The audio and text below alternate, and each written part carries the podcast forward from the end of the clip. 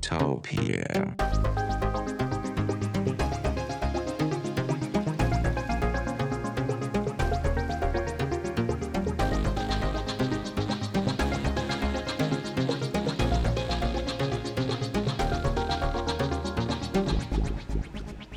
Tektopia er en podcast om mennesker og deres teknologi. Den er udgivet af Ingeniørforeningen Ida i samarbejde med Teknologiens Mediehus, støttet af idaforsikring.dk og de to konferencer IoT og HI-messen hos Herning Messecenter. Mit navn er Henrik Føns, og det er mig, der bestemmer i Tektopia. Tektopia.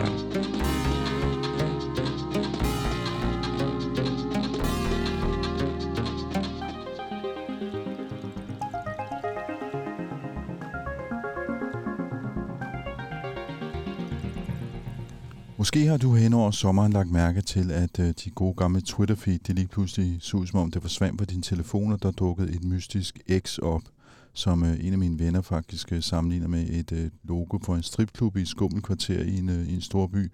Det ser lidt mystisk ud, og nogen har måske tænkt, hvad er dette?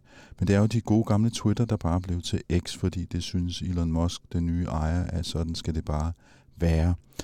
Og for lige at vende tilbage til den historie, som vi jo har været i gang med her i øh, Tektopia før, så har jeg fået to gæster ind i den her uge, som skal gøre os klogere på, hvad det egentlig er, Elon Musk har gang i, og hvad der kommer til at ske med, jeg ved faktisk ikke engang, om man skal kalde det Twitter, eller man skal kalde det X, men uh, anyway, vi prøver, det er Ole Hall, du er journalist i Danmarks Radio, og så har du skrevet en bog, Tek- Tekmogulen Elon Musk, manden, der vil forme vores fremtid.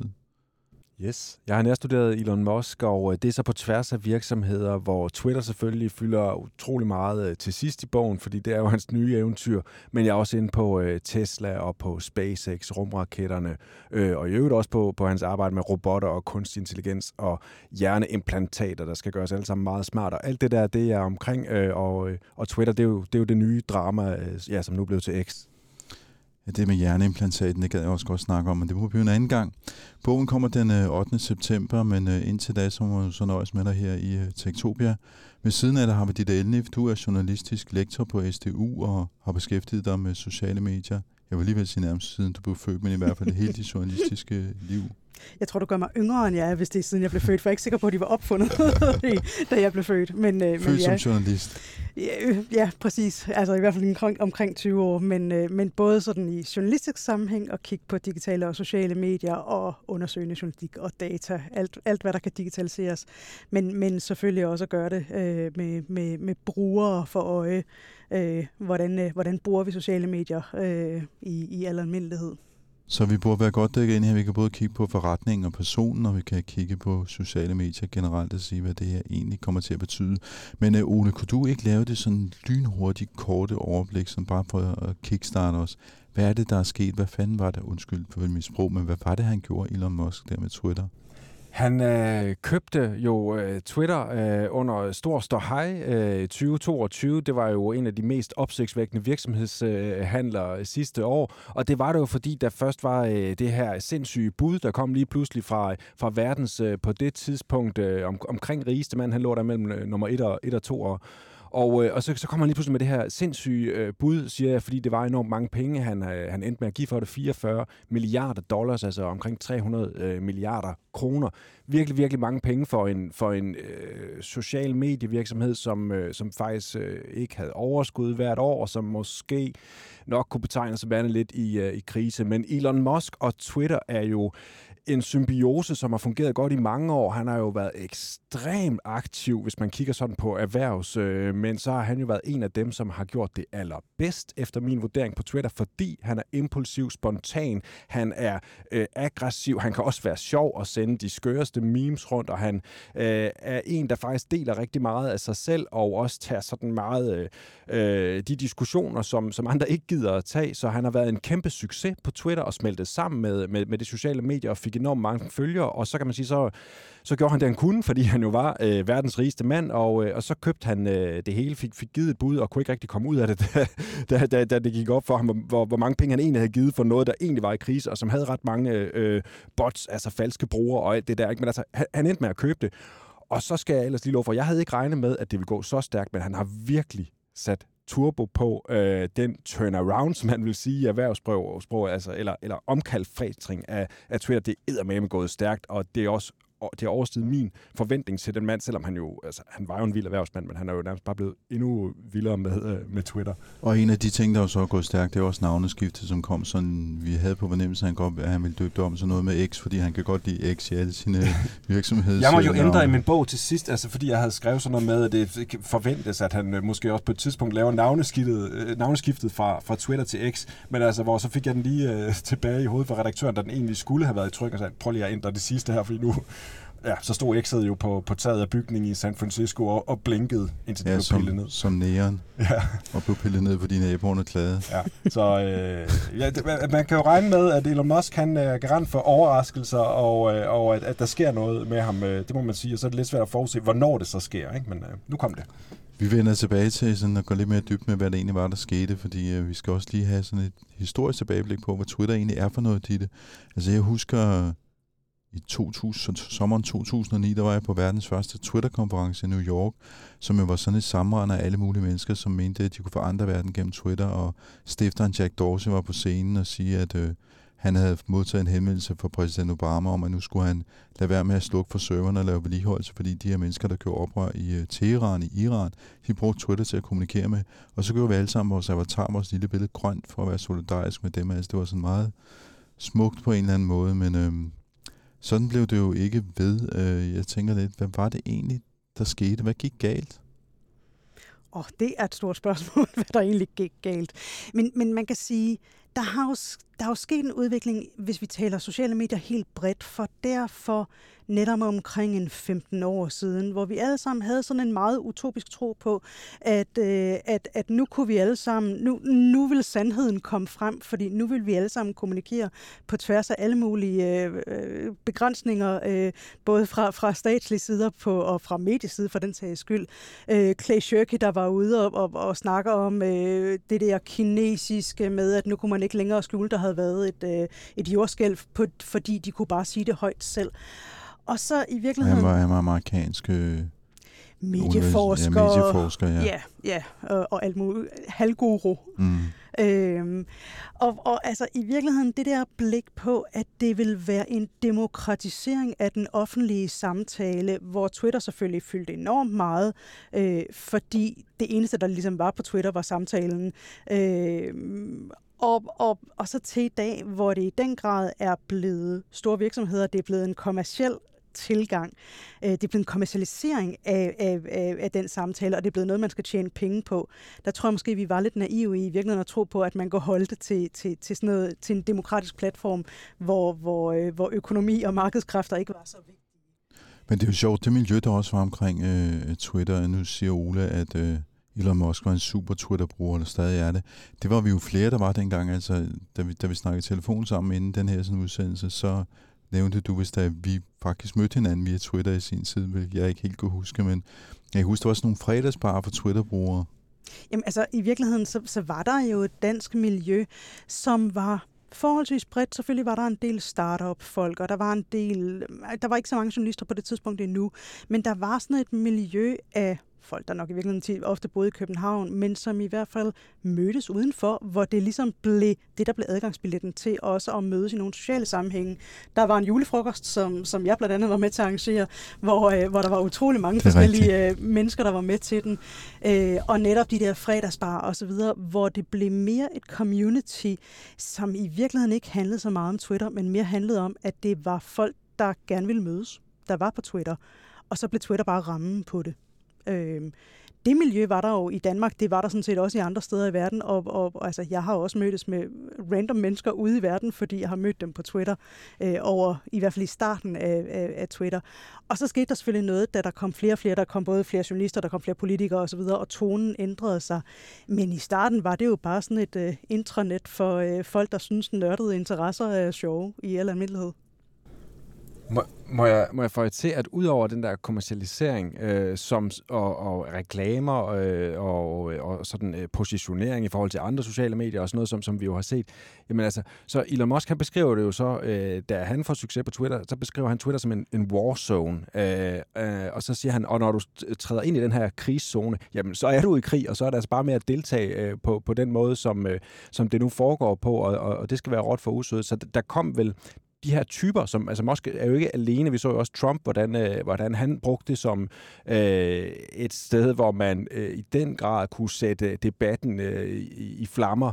Øh, det, det, man, det gik vel op for folk, hvor power, øh, hvor, hvor, hvor kraftfuldt det var, det her øh, medie, hvordan man på få få minutter kunne, kunne, kunne sætte ild under en debat. Ikke? Øhm, så det, og det var, jeg ved ikke, om det er algoritmerne, eller om det var bare var antallet af mennesker, de personer, der kom, eller var, men, det, men det blev jo bare vildere og vildere, og, og så blev det bare besværligt. Så skulle man til at, at moderere helt vildt, ikke? og så ansatte man vildt mange mennesker, og så blev det svært at tjene penge til sidst, og der kom slå, ja, diskussioner om, hvordan man skulle moderere og sådan noget. Ikke? Det, det gik fra meget uskyldigt og sødt, synes jeg, med den der julefrokost, de fortæller om, til øh, ja, øh, en virkelighed med mange penge og mange interesser. Ja, der kommer også øh, alle botsene og russiske øh, trolde og så videre, som øh, har været med til at puste til nogle debatter, som måske virkede med pseudo-debatter, fordi de dem, der har holdt dem i gang. Ikke? Altså, der er masser af problematikker, som har, har skæv, skævvredet debatten. Og det er også interessant, det du siger med, at det er en warzone lige pludselig, fordi herhjemme, der blev det meget sådan et, øh, et forum for journalister, meningsdannere og politikere, som så kunne sidde der og slå hinanden i hovedet. Ikke? Jeg tror egentlig ikke, der er ret mange menige danskere, der nogensinde har brugt Twitter til noget som helst. Nej, altså man kan sige, nu, nu, netop nu nævner vi, nu nævner vi Trump-generationen af politikere, men man kunne også starte ved Obama-generationen, som du kort gjorde, fordi altså, jeg tror at der er nogen, der har synes, at, at han og, og kredsen omkring ham har været lige så irriterende eller problematisk. Ham har vi bare måske været mere enige med, end vi har med, med Trump.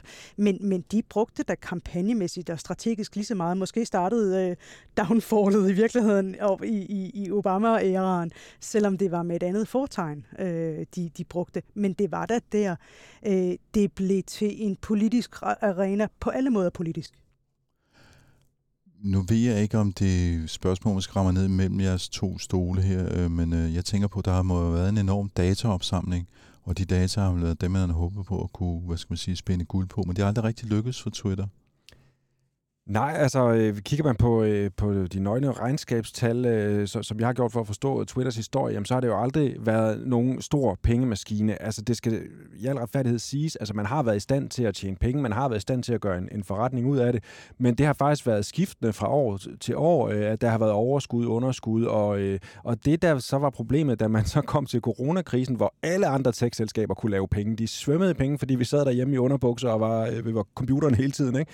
Så, så formår Twitter ikke at tjene penge. Altså, og så, så er der noget galt. Ikke? Så man var på det tidspunkt, øh, der var man jo åbenlyst i en form for øh, eksistenskrise. Man havde svært ved at tjene penge, selvom man var kommercielt drevet. Man var børsnoteret og det hele. Ikke? Altså, så så det, det var ligesom om Twitter skulle øh, finde en ny vej. Øh, så derfor så synes jeg på mange måder, det var forfriskende, at der kom øh, en, øh, en fyr og købte Twitter af øh, børsen, og, og, og nu sætter en ny kurs. Så kan man øh, i den grad diskutere om, om det er smart, de beslutninger, han har truffet, Musk, men, øh, men der skulle ske noget. Øh, det synes jeg er oplagt, når man kigger ind på, altså lave sådan en, en virksomhedsanalyse af, hvor, hvor Twitter var på vej hen.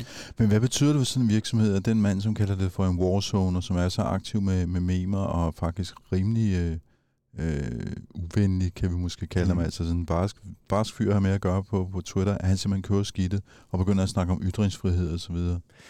Jamen, det, det har været mange sådan, øh, ting oven i hinanden, der er sket, ikke? Og, øh, og hvis man bare skal skille det en lille smule ad, jamen altså, så var noget af det første, han gjorde. Han prøvede ligesom at frame sit køb, som om han, han fik sagt mange gange i de der første interviews, han giver, jeg er ytringsfrihedsabsolutist. Det var det ord, han brugte, ikke? Og så prøvede han ligesom i stedet for at iscenesætte sig som rigmanden, forretningsmanden, som kommer med den store businessplan, og nu gør vi sådan og sådan, og så skal vi nok få en masse annoncørkroner ind. Og sådan. Det, var ikke, det var ikke den historie, han fortalte. Han fortalte den anden historie, at han kom øh, med med, øh, med, øh, med ytringsfrihedens fane øh, højt hævet, og, og nu skulle han nok give øh, verden den øh, demokratiske samtale, som man stadig manglede, og han skulle nok øh, sikre, at, øh, at alle stemmer kunne blive hørt, og det ville han kæmpe for. Det var ligesom den ene ting, der gik i gang med Mosk i hans, øh, det var den fortælling, han søsatte, og den har han så smadret selv delvist ved, at han faktisk ikke har levet op til de ytringsfrihedsidealer, som han har øh, kommet med i, i interviews og skåltaler, altså fordi vi så jo så, at der kom pres fra Erdogan, øh, Øh, Tyrkiets præsident, øh, lige op til valget, at der skulle slettes nogle tweets,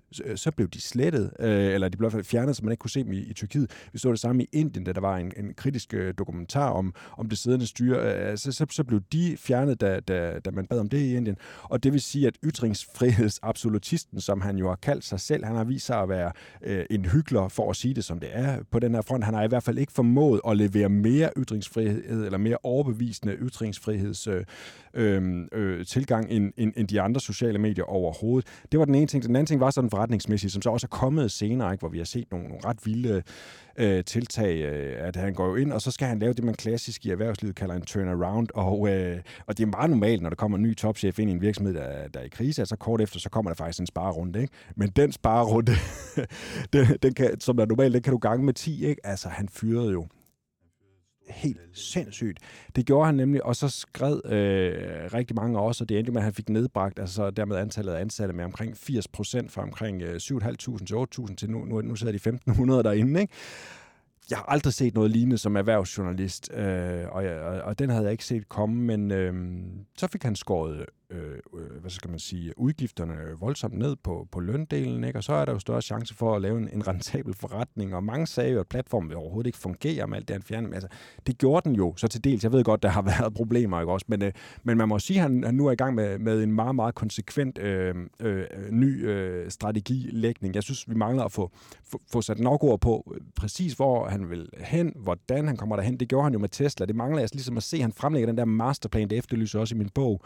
Øh, Øh, jeg tror, der kommer en masterplan i løbet af 2023, øh, øh, her andet halvår, eller første halvår 2024, hvor vi kan se, hvordan han vil skabe den Everything-app, han, han taler om, altså vores Twitter skal, eller undskyld, X hedder det nu, skal være meget mere end, end, øh, end, end sådan øh, den her øh, sociale medieplatform. Det tror jeg, vi kommer til at høre meget, meget mere om i, i, i, inden for kort tid, fordi det, det skal medarbejderne hos, øh, hos X altså også snart kunne se for sig, og samarbejdspartnere, så de, de, de, de skal vide, hvor han vil hen, hvis de skal gå med på den rejse. Og det skal brugerne vel også, de der så når han begynder at snakke om den her super-app eller everything-app, øh, hvordan passer den ind i det sociale medielandskab, og hvad siger de mennesker, du, du går rundt og snakker med i din forskning øh, omkring sociale medier, om, om lige netop den del? Jamen, man kan sige, jeg, jeg, min oplevelse er i virkeligheden, at alle stadigvæk er meget afventende. Man har en fornemmelse af, at der er færre aktive brugere, men der er ikke rigtig, der er ikke gode tal på det endnu. Øh, hvis man kigger på, øh, på, på danskernes brug, så steg det måske endda en lille smule sidste år. Øh, altså, der lå man på sådan noget med retning af 10% og 5% brugte til nyheder, øh, som, som jo er mit hovedområde ifølge øh, Reuters øh, store medieanalyse. Øh, så, så altså man kan sige, de der, det der dyk har vi ikke for alvor set endnu, men min oplevelse er, at der er færre, der bruger det aktivt, så det kan godt være, at man ikke har slettet sin, øh, sin brugerprofil endnu, men, men øh, er man der så meget, det tvivler jeg på, man er, men, men det er stadigvæk mavefornemmelse. Og hvad, om, om, om han så formår at og tage os med nye steder hen, altså til noget, der ikke bare er øh, korte kommunikationsstatements. Øh, det synes jeg stadigvæk er, er meget, meget svært at se, hvordan han skal forvente den, den nedadgående spiral, øh, som er i øjeblikket. Og samtidig tror jeg også, at, at vi snakker om noget forskelligt, fordi vi snakker, hvis vi snakker om, danske, om det danske marked, så er det en ting. Der, øh, der har vi jo aldrig haft en kæmpe stor brugerskare. Vi har aldrig haft, vi har haft aktive politikere, men vi har jo aldrig haft den samme brug af Twitter, som, som, øh, som er Facebook for eksempel fra, fra danske politikere. Så man kan sige, der er ikke særlig mange myndigheder, der har brugt det. På den måde har det ikke leveret en kritisk informationsinfrastruktur øh, for det danske samfund. Helt på samme måde, som det har i USA, hvor det helt klart er blevet har været meget mere brugt, netop når vi snakker, øh, når vi snakker Obama, og når vi snakker Trump og, og så videre. Altså, så har det været en regering, der har haft en strategi for Twitter og været aktive. Altså, der er vi jo aldrig rigtig nået til i Danmark, og netop den almindelige dansker har ikke bare været på Twitter. Øh, og, og det tror jeg har betydning for, øh, hvor lette vi er at få til at bruge Twitter, både, både i den form, det har i dag, men i virkeligheden også til, til mere, hvis vi snakker super-app, hvor man skal bruge betaling, og, eller bruge den som betaling og øh, bestilling af øh, mad eller lignende, eller hvad, hvad scenarierne nu kan være i at lave sådan en samlet platform øh, så tænker jeg, at der er meget mere konkurrence på det danske marked fra andre, øh, fra andre sider, end der måske i virkeligheden er i en amerikansk kontekst. Og nu skal vi måske også lige, vi skal nok folde det der begreb ud, super-app eller everything-app, som man også kalder det. Der er ikke rigtig noget dansk ord, men altså super-app er måske lidt dansk, det ved jeg ikke. Anyway, det man sammenligner det med, det er jo øh, faktisk kinesiske apps, øh, WeChat og Alibaba, og det er der jo ikke rigtig nogen danskere, der har prøvet, men det er jo simpelthen små øh, indkøbsportaler, som består af, af alt. Man kan dybest set leve sit liv gennem en WeChat-app, man kan styre sit forhold til, til det offentlige, man kan styre sine finanser, man kan købe ind, man kan gør jeg faktisk dybest set hvad som helst. Øh, jeg ved ikke, Ole, har du kigget på nogle af de der eksempler? Ja, altså, øh, jeg synes jo faktisk, det lyder ret smart, øh, hvis, hvis, hvis jeg må være så fri. Altså, hvis hans vision den øh, bliver, og det må vi, det, det er jo det, vi sådan hører mere og mere tydeligt, altså det bliver at samle en masse forskellige funktioner, en masse forskellige apps inde under øh, Twitter X-appen. Øh, hvis, øh, hvis visionen dermed er, at han vil gøre vores liv nemmere digitalt, altså sådan så, når jeg skal bruge et eller andet, om jeg skal booke en yoga-team, eller om jeg skal øh, spise en, øh, en burger, der skal leveres til mig, eller jeg skal have en togbillet, eller eller jeg skal købe et eller andet på, på nettet fra Kina. Altså uanset hvad, hvis, hvis øh, jeg er fri for at sådan skulle ind på Google og finde ud, hvor kan jeg lige få det her henne, og sådan. Og hvis jeg er fri for at skulle, skulle øh, altså sådan selv virkelig bruge tid på at gå fra det ene sted til det andet sted til det tredje sted, øh, men faktisk kan få en samlet indgang, som er en velfungerende app, så er jeg faktisk øh, personligt lidt ligeglad med, om den så hedder X, eller, eller hvad pokker den hedder. Øh, men er du hvis han kan gøre mit liv nemmere. Er du ligeglad med, om det er Elon Musk, der Nej, det er jeg så ikke. Øh, og det er nok der, at vi danskere, hvis man kan øh, øh, generalisere på, på den måde, der vil være en kæmpe modstand mod ham, ikke? på grund af de ting, han har sagt, de værdier, han har, om vi har tillid til ham med data og alt det der. Det ved jeg så ikke. Men, men øh, jeg tror, der vil være en, eller der er en kritisk masse i USA, og måske også i mange andre lande, øh, hvor øh, det vil øh, gøre livet lettere for utrolig mange mennesker, og de vil være med på den, øh, hvis, hvis han kan lave den der super og, det, og, og han, har, han har nogle forudsætninger for at lave super appen allerede, med, han har jo Tesla, og øh, han vil komme med en taxaservice, øh, når, når Teslas biler bliver tilstrækkeligt selvkørende til det. Det gør de på et tidspunkt. Mm. Det er der slet ingen tvivl om. Øh, han, øh, så, så, så har du den funktion ind i appen. Så har han allerede lavet en aftale med eToro, øh, en, øh, et, et finansielt site, hvor du kan handle kryptovaluta og, og faktisk også aktier. Så, så det er planen. Lige, lige pludselig så er det en del af, af X. Og så den hele vejen rundt, der får han lavet nogle aftaler. Spørgsmålet er, om han får lavet nok til, at han har ligesom sådan en kritisk masse til at sige, nu foregår der. Spørgsmålet er, om alle de der pengetransaktioner, om man kan, kan, kan, kan få en stor nok del af, af, af gebyrer og, og sådan, fordi der er så meget infrastruktur allerede i, i USA og, og på andre markeder. Men, men, men jeg kan godt se visionen for mig og gøre det, gør det endnu nemmere for os at hive telefonen op i lommen, åbne en app, og så får vi det, vi vil have. Altså, du skal jo lave ufattelig mange aftaler på tværs af landegrænser og med besværlige EU-kommissærer og hvad ved jeg. Jamen altså, det, det er i hvert fald, at, øh, det er jo altid svært at, at spå om fremtiden på den måde, men det er svært at se, at med den EU-lovgivning, vi har, både på det finansielle område og, og, og generelt har, også i forhold til GDPR og, og så videre, at det ikke bliver en lille smule sværere at navigere i. Øh, altså, jeg tror, hvis jeg ville satse på noget, så ville jeg satse på, at, øh, at det handler om det amerikanske marked, det her, hvor man også har langt flere procentdel brugere øh, på, på Twitter stadigvæk, end man har i Danmark. Ja, det er det, når du siger sats, altså, så det er jo lige præcis det, det er, ikke? Altså, og det er jo det, der kendetegner ved Musk, han er jo manden, der satser. Altså, så derfor så vil jeg også sige, hvis jeg skulle betragte det sådan, øh, som, som en... Øh, hvis nu øh, de stadigvæk var børsnoteret, øh, så, så vil jeg sige, det er en højrisikoaktie. Ikke? Altså, du har muligheden for virkelig at tjene boksen, hvis det lykkes, øh, men der er også ret stor sandsynlighed for, at, at det går ned med, med et brag, og det mener jeg helt seriøst. Det kan sagtens gå ned, det her. Det synes jeg, der er mange, øh, der er mange tegn på, at Musk ikke har styr på den her butik. Så, øh, så det er et sats, ligesom øh, det var med Tesla. Altså, det var virkelig også en højrisikoaktie, er det stadigvæk. Ikke? Det, SpaceX, øh, rumraketterne, det er også bare høj risiko. Så, så det her, det bliver fremragende, hvis, hvis det lykkes, og det kan også sagtens være, at det hele det går bare konkurs med et kæmpe brag. Ole, jeg tænker på, det kan være, at du kan sige noget mere om det i virkeligheden. Øh, den rolle, han har hos, øh, hos X, er han mere øh, solo, end han har været i de roller, han har haft i øvrigt? Fordi ja. man har sådan lidt en fornemmelse af, at han ikke har fået lov til, eller haft mulighed for at blive helt så crazy, som, som han er i, i, i forbindelse med X. Ja, jeg vil, jeg vil mene, at han, han har simpelthen øh, givet sig selv for lang snor øh, inde øh, i, i det der øh, ex-hovedkvarter i San Francisco. Altså, han har simpelthen for længe manglet øh, øh, ordentlige rådgiver, øh, nogen som, øh, som øh, kunne give ham øh, seriøst modspil. Øh, det er det, der har reddet ham, øh, når han har været allermest crazy i, øh, i SpaceX øh, rumraketfirmaet, at han har haft Gwen Shotwell, som har øh, øh, været en helt fantastisk øh, næstkommanderende, som, som har styret butikken. Ikke? Han har manglet en til at styre øh, øh, butikken øh, over øh, hos, øh, hos øh, X i, i San Francisco, ikke? og det bærer det enormt meget præg af. Han har begået så mange... Altså, han er jo ikke dum, han er faktisk mega intelligent i min optik. Han, han, øh, den kører hurtigt på ham, pæren. Men, men, men han træffer dumme beslutninger, og det har han virkelig gjort igen og igen, efter han har overtaget øh, forretningen. Der var, der var de her blue checkmarks, øh, altså fluebenet, man kunne få, øh, øh, hvis, hvis, hvis man var en, en, en notabilitet, men altså, så glemte han lige, at man skulle verificere sig, så, så, så opstod der alle mulige falske øh, øh, firmaer og, og celebrities og alt muligt. Møger han der også... var bestående købe en falsk Elon Musk. Det var der også. Jamen, og, og, så mange, og, og det er bare et eksempel. Han har virkelig gjort mange, mange dumme ting. Øh, øh, så ja, jeg synes, at han har givet sig selv for meget levelse, øh, hvad hedder det, ledelsesrum. Øh, ikke? Og øh, jeg var meget spændt på, hvem han så vil udnævne som, øh, som CEO, altså topchef. Og det blev så i første omgang øh, hans hund. Øh, så var det en joke. I næste omgang blev det så hende her Linda Jacarino, øh, som jeg skal være ærlig at sige, jeg havde faktisk ikke hørt om hende før. Og hun har faktisk heller ikke været CEO i nogen tech-virksomhed før. Altså, hun har siddet og har haft øh, høje, øh, høje poster i, øh, i, øh, i sådan øh, reklameafdelinger hos, øh, hos store tv-stationer, og øh, super fint med det. Hun er sikkert dygtig til de her partnerskaber. Men altså, jeg synes så, nu har hun været der i, i nogle måneder, ikke?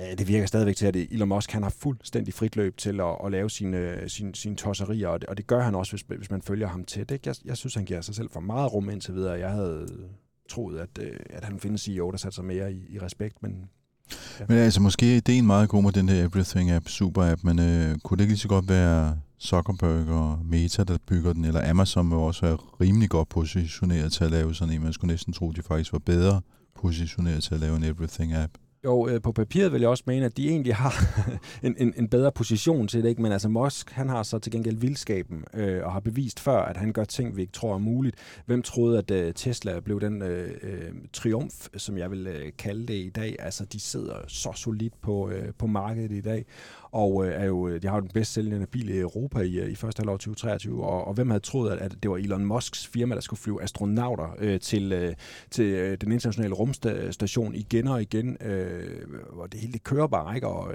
og sådan, så, så Elon Musk, det kan godt være, at han ikke har øh, samme store infrastruktur som Zuckerberg og, og samme store brugermasse, men han har til gengæld vildskaben, ikke? også, at den har leveret resultater før. Så derfor så synes jeg, det er for tidligt at afskrive ham. Men der er også en forskel på, altså jeg mener, både Tesla og SpaceX, det er jo sådan meget fysiske butikker, ikke? Altså jeg mener, det er fysiske ting, de bygger, ikke? Hvor det her, det, det, det, det er et andet område, han er ude i. Altså. Jo, jo, Henrik, men han kommer, øh, det ved du også, han kommer jo faktisk fra IT-branchen. Det var da han startede inden Tesla og inden SpaceX. Der sad han jo og kodede selv, ikke også på, som jeg beskriver mm. i, øh, i min bog, der sidder han jo foran computeren om natten og, øh, og, og laver zip20 og, og laver siden øh, x.com, som nu har han jo købt x.com igen, ikke? men altså det, som, som, som bliver til en til, til PayPal og, øh, og betalingsopførsel. Så altså, han, øh, han er jo faktisk en IT-fyr, der gik hardware-vejen, og nu går han så IT-vejen igen. Og det er så også der, han tjener sin, sin første formue, kan man sige. Ikke? Men øh, jeg, jeg vil lige hænge lidt den der sådan super-app, ikke? fordi det er, jo, det er jo ligesom det, han gerne vil have, vi skal have. Ikke? Øh, og spørgsmålet er, er den ikke her mobiltelefon i forvejen? Hvad skal vi med en app, når vi alligevel har en mobiltelefon, der samler alle appsene? Altså, hvad, hvad, hvad får jeg ud af det, når jeg bare kan tilgå det her? Jeg tror stadig, at brugervenligheden kan stige enormt meget. Jeg synes, det er utroligt bøvlet at skulle gå fra den øh, ene app til den anden og bruge Google for at finde ting og sådan noget. Ikke? Og jeg tror, det kan blive nemmere, øh, bedre. Det tror jeg på. Jeg ved altså, man kan lave det. Man, man kan sige, at Amazon har jo vist, at convenience, det topper alt muligt etisk for, for, for mange af os. Altså at det, at, øh, at man kan købe en, øh, en e-bog meget let til sin Kindle, øh, det, det gør, at, at det, det kommer vi stadig til at gøre, selvom vi egentlig principielt synes, at man bør gøre noget andet. Og, og, og altså, jeg er ked af at sige det, men jeg tror også, at convenience, det, det er lidt kodeordet for det, så, så hvis man kan lave noget, der fungerer let, så tror jeg, man kan få rigtig mange mennesker med. Øh, men, men altså, jeg er da enig, jeg har da også været ved at se skiftet, men, men det er måske også derfor, jeg aldrig bliver tech-millionær på nogen måde. Øh, fordi, fordi den der, netop den vildskab, som, som du beskriver, Ole, jamen den, den tror jeg da også, det der kaos, det tror jeg da i en eller anden grad, man skal have Øh, og jeg synes, det, jeg har lyst til at afskrive ham på mange måder, men det havde jeg også med Trump, og derfor er jeg også sådan lidt, jamen vi er også lidt i en, i en æra, hvor der også sker nogle lidt lidt, lidt overraskende skæve ting på nogen måde i forhold til, hvad vores lidt konservative, venstreorienterede Danmark Vi er jo tror totalt er muligt. biased her i Danmark, ikke? og kan mm. jo bare ikke lide sådan nogle typer, som larmer på den måde, som øh, Musk og Trump, og som øh, siger de ting, de gør. Altså, der er vi jo meget biased i Danmark, så jeg tror bare, vi skal passe lidt på med at, at sidde og, ja, og, og op, opfatte alle andre ligesom os. Ikke? Altså, nej, vi er et lille, øh, øh, hvad skal man sige, meget woke-marked, vil Elon Musk nok sige. Ikke? Altså, vi sidder med de rigtige holdninger, de politisk korrekte. Ikke? Han er sådan set ret ligeglad med lige præcis vores del af markedet. Han bygger det op andre steder, hvor han har større opbakning, det tror jeg. Altså, når jeg har været rundt i Silicon Valley, og de har snakket med Elon Musk der de sidste 10 øh, år eller mere, ikke, så har han jo været sådan en ledestjerne, en held og en innovationsheld og alt muligt andet. Og hvad kan man sige, den person, som måske på en eller anden måde overtog den der sådan position, da Steve Jobs han døde, ikke? Mm. så Elon Musk trådt ind som den store held på den her bane, og har haft held til at lave de vilde ting der. Ikke? Men øh, er det ikke også noget med, at han måske øh, kæmper lidt hårdt for at få den der investering på de 44 milliarder dollars, som jo åbenbart er dobbelt så meget som X er værd i dag, at han ligesom skal have retfærdiggjort den over for nogle andre investorer, som også er indblandet, fordi det kan have afsmittende effekt på alle de andre forretninger, han laver. Ja. Det er jo helt rigtigt. Altså, han, øh, han har selv været med til at opgøre øh, øh, værdien af, af X øh, nu til at være ja, omkring 20 milliarder eller 15, øh, var det så en anden af investorerne, der sagde. Ikke? Altså, altså, han har selv erkendt, at, at nu, nu er værdien et andet sted i selskabet, efter alle de ændringer, han har lavet. Jeg må bare sige, det er så også meget normalt i en turnaround. Altså, sådan, hvis man, jeg må være lidt kedelig og erhvervsjournalist-agtig, ikke? Altså, øh, øh, hvis du går ind og laver en kraftig turnaround, jamen, så skærer du også virkelig, virkelig hårdt, ikke? Så mister du noget værdi, og du mister jo en masse... Altså, der er jo nogen, der opgår gjort brandværdien alene ved den, ved den der øh, fugl, øh, Twitter-fuglen og, og navnet der, fordi vi siger tweet og det, at det var måske 10 milliarder dollar værd, ikke? Øh, når, når du fjerner sådan nogle værdier, ja, så ser det meget spinkelt ud, ikke? Og øh, så skal det bygges på, men det er jo så også det, der bliver øvelsen, og det er jo meget, meget typisk sådan turnaround, vil jo så tage nogle år, ikke? Så bygger du på nu. Eller de, de, det, hvad er det, vi gør, når vi ikke tweeter mere? Oh, jeg har været inde og læse, hvad de kalder det. Sheets. Nej, vi poster der bare. Vi poster nu. Nej, de, de har i inden under uh, Frequently Asked Questions, har de skrevet, Nå, de gerne noget andet. Nå. Hvad, hvad det er, vi kalder det. Og, og jeg må indrømme, det, det satte sig åbenbart ikke dybere hos mig, end altså, at vi, vi jeg ikke post, da jeg skulle uh, ja, tweete noget. Ja, jeg tror også, at det var det, jeg ville bruge vi, selv. Vi ekser ikke? ikke Nej, det, jeg tror ikke, det er det, de, det, de forsøger at få os til at sige. Hmm. Nå, men hvorom alt er, så er vi nået dertil, hvor vi skal ekse ud af den her samtale. Tak til Ole Halt, forfatter til ny bog om Elon Musk, som hed... Den hedder Tech-mogulen Elon Musk. Og den kommer her i starten af september. Det gør den. Og tak til dig, Ditte Elnef, journalistisk lektor på STU og social media ekspert, medieforsker. Tak fordi I gad at være med og kaste lys over den her, sådan, uh, det her drama omkring Elon Musk og firmaet, der engang var kendt som uh, Twitter. Vi vender sikkert tilbage til den historie her i Tektopia. Du kan som altid finde tidligere episoder på tektopia.dk. Der er også en anden episode, der handler om øh, Everything App. Og så er der faktisk en episode, hvor nogle kloge mennesker fra USA snakker om andre muligheder for at lave sociale medier. Det har vi ikke snakket så meget om i dag, men alternativer. Du kan skrive til mig med ros og ris og gode idéer på henriksnabelag.tektopia.dk. Vi findes på øh, X, hvor vi hedder snabelag.tektopia.dk, og det hedder vi sørme også på Instagram. Og så har vi en uh, gruppe på uh, Facebook, der hedder Tektopia Backstage, hvor jeg tror 1600 mennesker eller sådan noget diskuterer teknologi. Og det var vel ordene for denne gang, så der er bare tilbage at sige på genhør næste uge og lige bemærke, at uh, jeg får hjælp af Mikkel Berggren til at lave podcasten her uh, på genhør næste uge. Tactopia.